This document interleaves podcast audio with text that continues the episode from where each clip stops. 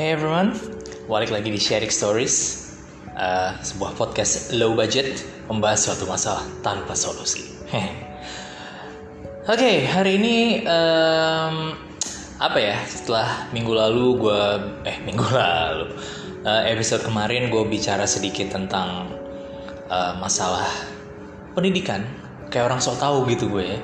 Hari ini uh, di episode kali ini gue mau ngebahas sedikit ya tentang apa ya kalau menurut gue sih ini satu fenomena yang sering terjadi ketika eh, selama gue berkarir sebagai uh, seorang pengajar gitu. Nah ini juga topik yang uh, gue dapet ide. Ada salah satu temen gue di tempat gue ngajar dulu kayaknya. Kalau ngebahas ini seru gitu. Terus juga uh, murid gue juga bilang kayaknya seru nih mister bahas yang kayak gini gitu. Terus ya udah hari ini gue mau coba bahas tentang broken English. Waduh apa sih broken English? Jadi uh, ini sih sebuah term yang gua apa ya bukan gua yang nyiptain sih gue juga ya term rame-rame lah dapet gitu sekali dari kita sama dia jadi gimana uh, orang-orang tuh berbicara dalam bahasa Inggris tapi dengan logat Indonesia gitu.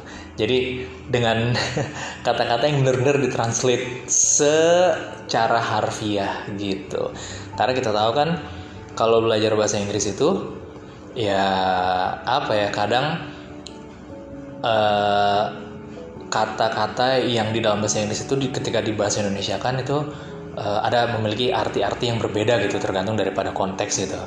Nah yang menarik adalah di broken English ini gue sebagai seorang pengajar bahasa Inggris gue tidak pernah komplain gitu ketika gue lihat murid-murid gue menggunakan uh, broken English ini gitu dalam dalam percakapannya gitu. Apalagi kalau gue di kelas gitu dengan dia dengan teman-temannya gitu.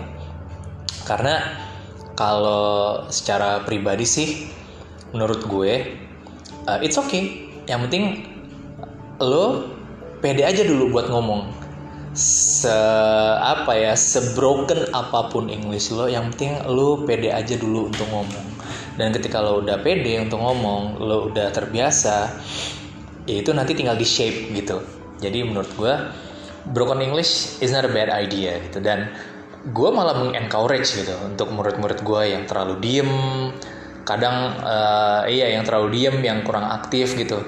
It's okay nggak apa-apa ngomong aja dulu kayak gitu. Karena uh, menurut gue salah satu kenapa orang agak kesulitan untuk belajar bahasa Inggris adalah mereka tidak punya confidence untuk ngomong. Mereka takut salah dan itu adalah menurut gue stigma yang sangat salah. Karena belajar bahasa itu harus berani salah gitu. Dan lo harus berani trial and error juga gitu. Jadi broken English um, kalau ada yang nanya apa sih broken English? Jadi kayak gini. Dulu gue pernah uh, ngajar di satu sekolah di daerah Pondok Indah gitu Pondok Indah sana lagi Kebayoran Lama itu sekolah lumayan apa ya dia bilingual school. Terus ada salah satu murid gue waktu itu dia mau ngasih tahu nih temennya karena memang di situ uh, tidak boleh menggunakan bahasa Indonesia. Nah di situ jadi temen gue eh teman gue sorry murid gue pernah ngomong uh, eh tuh di baju lu ada item-itemnya gitu kan gitu ya. Nah dia ngomong dengan Englishnya gitu. Eh oh my god your bag is black black gitu. Jadi di belakang lo ada item-item. Jadi secara secara secara literal literally black black gitu. Item-item. Dan menurut gue ketika gue juga menggunakan uh, broken English ini sama sesama teacher gitu kita ketika kita di teacher zoom atau sama temen gue yang adalah satu teacher yang gue udah bareng sama dia dari zaman SMA gila loh terus ketemu lagi di sini. Uh, ya udah gue slow aja. Dan, dan itu tuh jadi jadi bahan lucu-lucuan gitu. Dan tapi itu pun gue mengencourage murid gue untuk ya udah nggak apa-apa. Um, kalau memang lo belum punya confidence untuk ngomong lo terlalu takut it's okay. Gitu. Ada juga kadang bukan uh, broken English ini bukan cuma lo mengartikan kata per kata dan lo merangkai secara bahasa Indonesia tapi kadang ada juga um, English yang terdengar seperti bahasa Indonesia.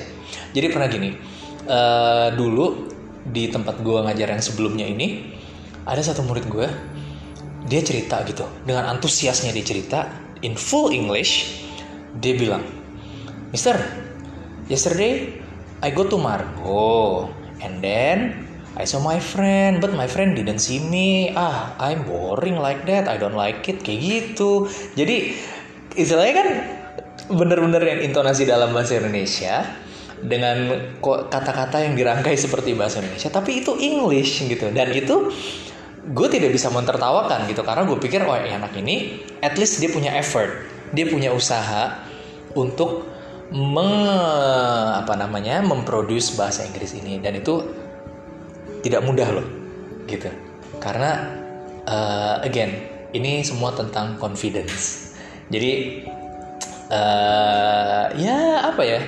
Kalau menurut gue sih buat teman-teman di luar sana gitu yang mau belajar bahasa Inggris gitu nggak usah takut salah gitu. Lu enjoy aja. Lu enjoy. Lu coba untuk berbicara dalam bahasa Inggris sebisa lu and it's okay. When you're using use uh, apa namanya? When you're using that broken English it doesn't mean that you cannot do the language. You cannot produce the language. It's a process gitu loh. Itu sebuah proses dan uh, menurut gue orang yang melalui proses itu um, apa ya merupakan orang yang benar-benar mau berusaha. Gue pernah bilang gini ke teman gue um, aduh apa ya gue kok gue lupa sih? Oh uh, it's not about the result but it's about the process. Enjoy the process. Love the process result will come later karena menurut gue hasil itu tidak akan mengkhianati sebuah proses kok gitu.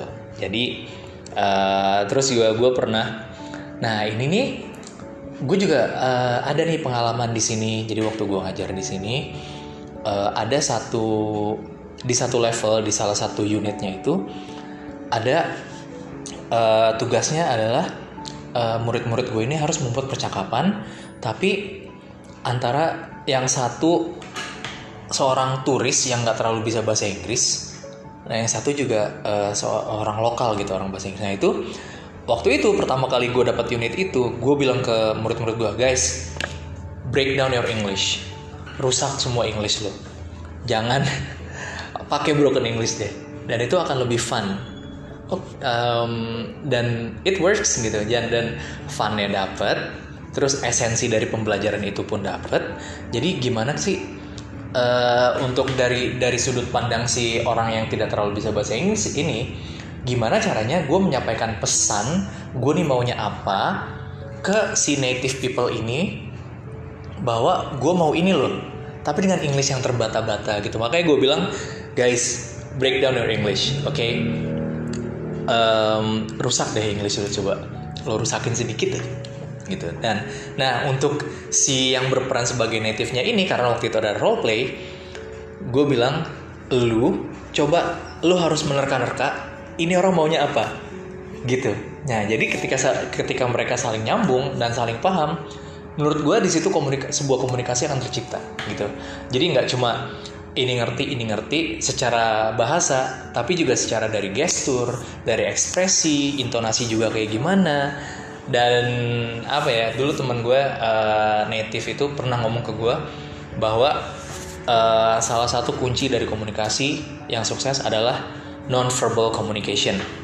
Dari gestur uh, intonasi ekspresi juga dan itu biasanya akan lebih dilihat dan biasanya akan lebih menarik gitu. Dan apa ya menurut gue sih si broken English ini ya apa ya balik lagi sih salah satu uh, cara bukan cara sih apa ya salah satu ya cara juga sih. Salah satu cara di mana lu uh, bisa meningkatkan confidence lu dalam berbicara menggunakan bahasa Inggris atau mungkin lu berbicara bahasa-bahasa lainnya gitu. Jadi try to break your language kayak gitu. Terus juga apa ya yang paling kocak sih pernah menurut gue bilang jadi jadi kamu nih maunya gimana? Jadi ceritanya saya mau ke ini Mister gue uh, saya mau ke aduh apa namanya Central Park. Ceritanya lagi di New York. Wah gila New York. Ya udah gimana kamu ceritanya? Mau ngomong apa? Nanya arahnya gimana? Uh, yes uh, I want to go to that green green place. Nah lo bingung gak lo nah terus akhirnya dinerka-nerka teman eh, apa murid gue yang satu lagi.